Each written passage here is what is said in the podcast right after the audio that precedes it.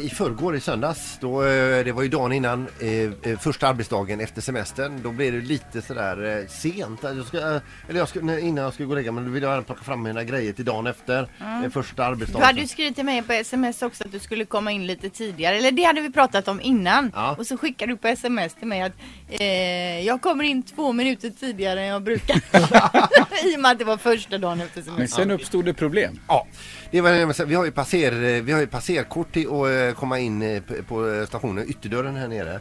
Och jag, eh, jag vet ju att jag t- tog ur min plånbok inför eh, när vi åkte till Kroatien. Jag skulle inte ha med mig alla korten.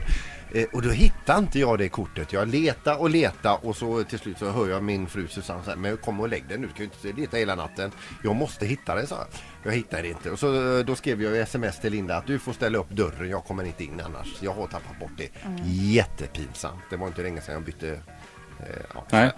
Ja, i alla fall så eh, kommer hit. Linda har ju fixat, eh, fixat då, för hon hade, ju, eh, hon hade ställt upp dörren där och gått ner en extra gång och så vidare så var jag inte så himla glad över det. Ja men sluta, det var väl, det, vi har ju hiss.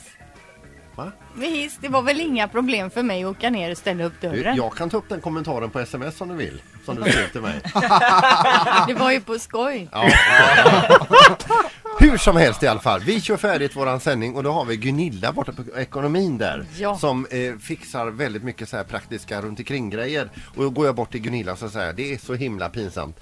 För nu har det hänt igen. Jag har slarvat bort mitt passerkort. Ja men jag fixar ett nytt till dig och så vidare. Så tar hon upp ett kuvert och tar upp en sån här liten droppe, en bricka. Och säger så här, okej men det- det tar en liten stund men jag löser det här. Vad är det sa jag. eh, är det inga kort? Nej men du, du fick ju en bricka utav mig sa hon.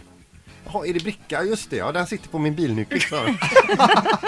Vi slutade alltså med korten för ett halvår sedan. Ett halvår de sedan så slutade vi med Och det hade jag glömt av. då, Så att, eh, då kunde vi leta.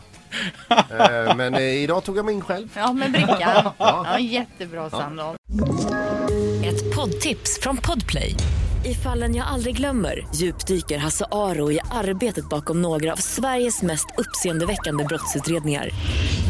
Går vi in med hemlig telefonavlyssning och, och då upplever vi att vi får en total förändring av hans beteende. Vad är det som händer nu? Vem är det som läcker? Och så säger han att jag är kriminell, jag har varit kriminell i hela mitt liv men att mörda ett barn, där går min gräns. Nya säsongen av Fallen jag aldrig glömmer på Podplay.